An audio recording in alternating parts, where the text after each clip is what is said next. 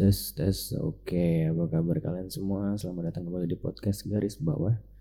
Bersama gue Alexander Dimitri dan mikrofon dari headset gaming. Masih belum berubah padahal udah sekian bulan ya. Jadi Dimitri gajinya ke mana? Nggak ada yang tahu. Termasuk Dimitri sendiri juga nggak tahu gajinya ke mana. Kapan Dimitri bakal beli mic yang bener buat bikin podcast kita nantikan saja. Anggaran terus ada gitu kan. Tapi kepake kepake kepake lagi buat jajan. Masuk perut semua duitnya masuk perut. Oke udah lama gue nggak bikin podcast. Terakhir udah sebulan lebih. Terakhir gue cek um, itu ya sebulan sebulan lebih hampir dua bulan kelihatannya dan kali ini gue putuskan untuk nge-record aja. Akhirnya ini tanggal 29 November tahun 2022 dan ini jam 8 malam. Jarang sekali gue nge-record podcast jam jam-jam segini. Gue biasanya nge-record podcast di atas jam 11 malam. Ya nggak tahu lagi pengen aja. Lagi lagi fresh pulang kerja makan. Tadi rebahan bentar. Buka-buka Instagram dan lain sebagainya. Nah ngomongin soal Instagram itu barusan bridging yang bagus banget. Nggak sengaja sebenarnya bridgingnya. Jadi ya emang itu namanya skill public speaking yang udah terlatih sejak lama. Jadi ada bridging bridging yang nggak sengaja gitu. Ngomongin soal Instagram beberapa waktu lalu gue sempet nemu tuh sebuah video di Instagram. Jadi sebenarnya ini videonya kelihatannya settingan juga. Jadi videonya ini adalah tentang ada cowok sama pacarnya berdua. Lagi nongkrong gitu kayak di kedai kopi di mall. Kedai kopi di mall anjay. Ya pokoknya di salah satu cafe gitu tempatnya kalau nggak salah di mall. Dari vibe-nya sih kelihatannya itu cafe yang ada di dalam mall ya. Habis itu mereka lagi nongkrong terus mantan dari si cowok ini datang nyamperin mereka Nah terus jadilah tuh drama tuh. Si cewek marah-marah. Maki-maki si mantan cowoknya ini dat. Ngapain lo datang Ngapain lo nyamperin? Dia udah punya cewek nih. Dia udah dia udah cowok gua. Ngapain lo datang Pokoknya ngomel-ngomel. Aduh sorry. Pokoknya ngomel-ngomel jadi Jadi drama lah pokoknya gitu. Sebenarnya gue nggak peduli sama videonya karena gue gue gue udah yakin aja itu video settingan-settingan juga tapi yang jadi concern gue adalah di situ um, captionnya adalah captionnya itu adalah oh keren banget mbaknya. Waduh muji muji si mbak yang marah-marah ini. Wah mbaknya berani banget. Gitu. Bentar gue lagi bukain videonya lagi. Ya itu captionnya kayak gitu. Banyak keren dan pemberani ya bun. Ya ampun. Dan itu yang ngepost bukan si kreator originalnya tapi itu akun-akun reposter miskin konten yang nggak bisa bikin konten sendiri lah. Tapi pengen dapat exposure ya kan dengan cara ngambilin video orang terus ngasih caption saya enak jidatnya aja. Kadang juga nggak ngasih sumbernya videonya dari mana pokoknya diupload aja gitu. Jadi itu yang bikin gue concern adalah video ini menunjukkan bahwa uh, si Mbak ini tidak punya manajemen emosi yang bagus. Si Mbak ini ngomel-ngomel di tempat umum, mengganggu ketertiban dan ketenangan di tempat umum. Gue nggak mempermasalahkan marah marahnya ya. Kalau soal marah itu debatable dia berhak berhak marah atau nggak di dalam kondisi itu debatable lah. Gue nggak akan ngarah ke sana. Tapi bentuk pengungkapan marahnya itu yang menurut gue tidak tepat untuk dipuji. Tidak tepat untuk dianggap sebagai sesuatu yang berani. Tidak tepat untuk dianggap sebagai sesuatu yang keren. Nah lalu gue komen lah. Gue tulis komen karena lagi gabut juga ya kan? Lagi gabut gue komen. Gue komen sesuai dengan opini gue bahwa yang di video ini bukan sesuatu yang pantas untuk dipuji, bukan sesuatu yang pantas untuk dianggap keren. Udah komen gue kayak gitu. Ini adalah manajemen amarah yang buruk. Kenapa kok dipuji-puji? Ini nggak boleh ini nggak bisa dibilang keren. Gue kayak gitu. Gue diserang banyak emak-emak dan mbak-mbak drama. Mereka nangkepnya adalah gue ngelarang si mbak ini marah pacarnya disamperin sama mantannya waktu lagi nongkrong sama dia. Di belakang itu kalau kalian denger ada background tahu bulat ya. Emang emang mengganggu fokus gue tadi sampai mana? Nah orang-orang ngiranya gue melarang si mbak ini untuk marah. Padahal nggak itu poinnya. Gue nggak masalah sama sekali dengan lo mau marah kayak lo mau gimana terserah. Tapi poin yang pengen gue sampaikan adalah ini adalah bentuk ekspresi kemarahan yang sangat tidak bijak. Kenapa? Karena ini adalah tempatnya ranahnya di tempat umum nih. Habis itu juga um, ini kasusnya adalah mantan si cowok cuman datengin aja. Kayak ya ketemu di mall. Nggak sengaja ketemu di mall nyamperin kayak kenapa sih? Ya saya hai aja kenapa lo harus marah? gitu I, marahnya itu marahnya tuh boleh-boleh aja tapi jadi agak aneh kalau kita kalau kita lihat konteksnya seperti itu. Kayak yang gue jelasin barusan ya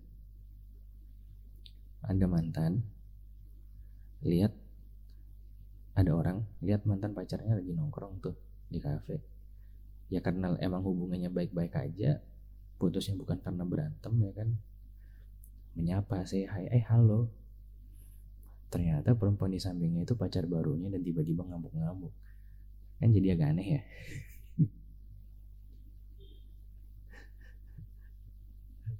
Tapi tapi bukan bukan marahnya jadi masalah buat gue tapi bentuk bentuk ngeluarin amarahnya itu yang dia marah-marah terus kayak gue nggak mau tahu ya lo kayak gini gini gini gini gue nggak mau tahu ya. Itu kan berarti kan dia udah uh, channeling amarahnya di tengah umum di hadapan umum mengganggu ketertiban umum dan juga dia jadi kalap. Dia jadi menunjukkan bahwa dia nggak mau dengerin apa pun alasannya. Pokoknya gue udah marah gue nggak mau tahu apa yang apa yang jadi alasan lo ngelakuin hal yang bikin gue marah ini. Walaupun mungkin alasan yang lo punya itu masuk akal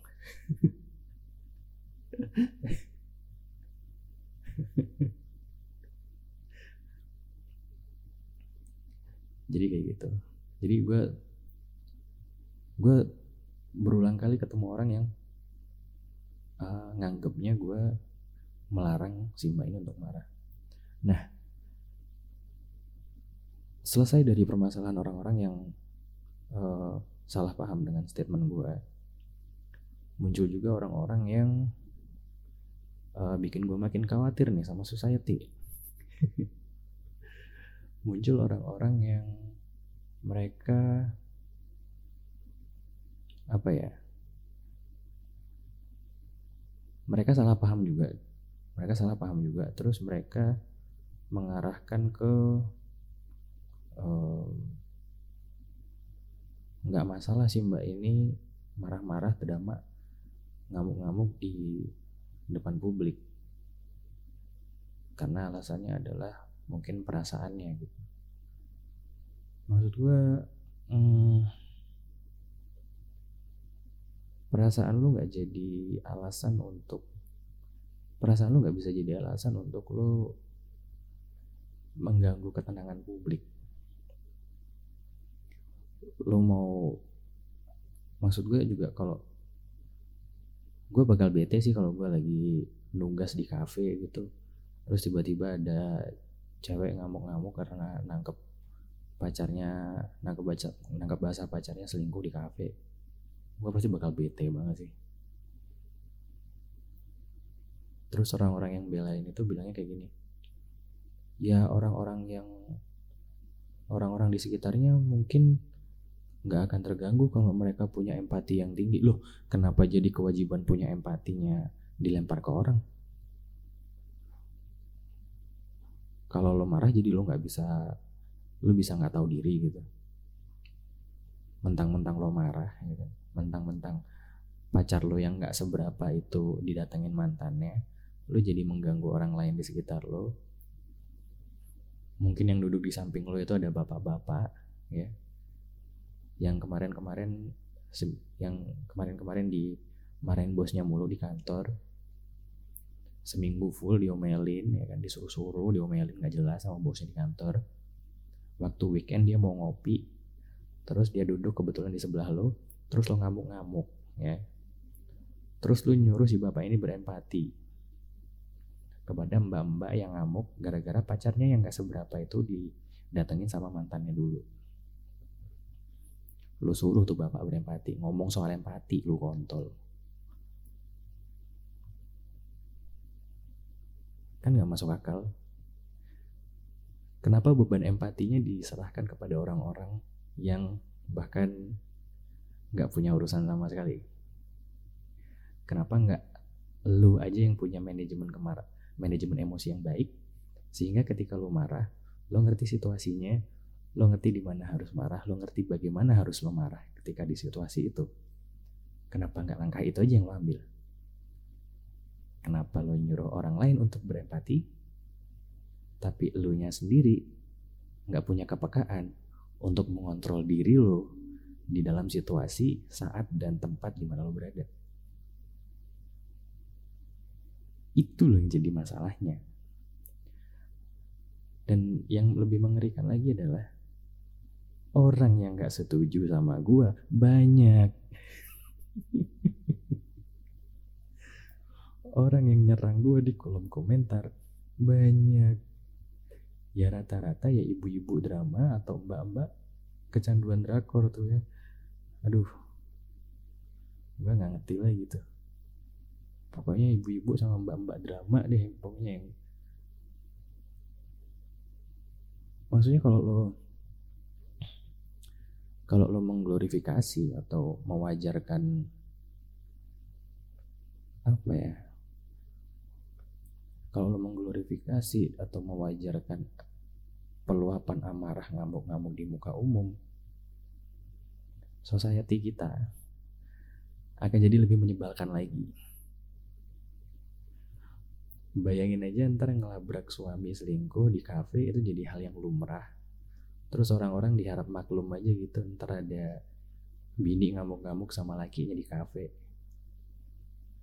Kita nggak bu, kita kita nggak boleh merasa terganggu karena uh, kalau ada orang yang perasaannya sedang hancur kita harus berempati kepada mereka tanpa kita tanpa kita harus peduli terhadap perasaan kita sendiri bahwa kita terganggu oleh mereka yang teriak-teriak nggak jelas.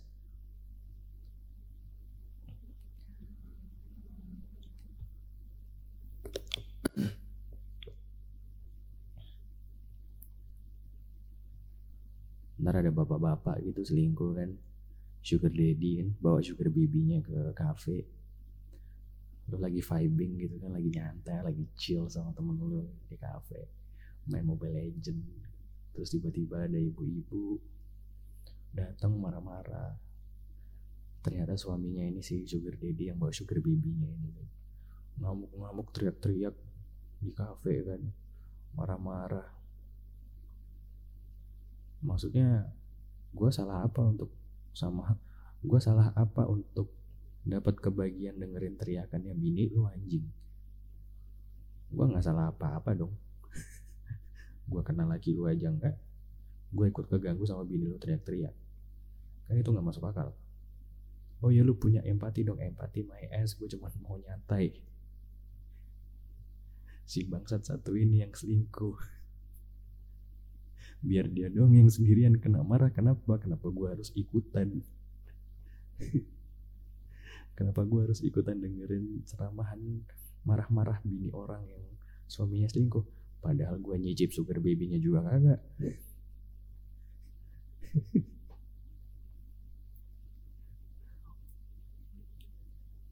Kecuali si om ini ngasih ke gue juga sugar babynya dikasih cicip. Eh lo mau nggak ya om. Baru bini lu marah-marah gue ikut dengerin agak fine lah ya kan? Tapi kalau gue nggak ikut andil dengan dunia perselingkuhan lo dunia percintaan lo terus adalah ada konflik internal di antara hubungan kalian gue harus ikut denger kalian berantem. Kalian kayak kontol gitu aja. Sesimpel itu sesimpel itu orang pada nggak paham gue heran.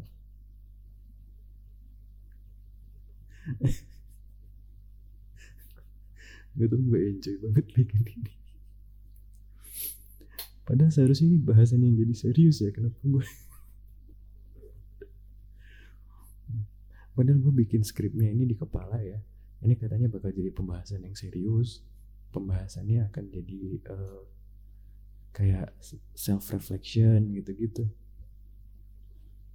Kenapa episode yang jadi kayak gini tapi nggak apa-apa emang podcast ini awalnya direncanakan untuk jadi podcast komedi kok teman-teman. Jadi jadi selama ini podcast podcast serius di belakang itu ya, versi yang malah sebenarnya yang nggak bener. Ini ini baru ini baru komedi. Nah selesai dari orang-orang yang nggak setuju itu tadi ada juga versi ekstrim yang mana mereka bilang kayak gini ya wajar lah mbaknya marah. Kalau saya ada di posisi mbaknya paling si mantannya ini yang nyamperin udah saya pukulin. Wow. Wow anjing ronda rusa ini gue lihat nih. Anjing anjing. Waduh waduh waduh bahaya nih. Bahaya nih Conor McGregor nih Conor McGregor nih ini gue mau bilang dia kebanyakan nonton drakor tapi gue nggak pernah dengar ada drakor uh, cerit jalan ceritanya MMA gitu nggak pernah gue gue belum pernah lihat ada drakor yang ceritanya adalah tentang mengejar mimpi jadi petarung UFC gue belum pernah lihat. Ini dapat dari mana ini idenya? Kok jadi kok jadi brutal gitu? Gue antara lucu miris sama ngeri akhirnya. Lucu karena kok bisa orang punya pikiran seperti ini? Miris karena ya kenapa orang-orang ini bisa uh, berpikir sesimpel minded itu? Untuk kalau lo kalau lo marah lo bebas mau ngapain aja ketika lo marah. Dan juga ngeri kalau orang-orang kayak gini makin banyak nanti society kita jadi makin kayak gimana dong?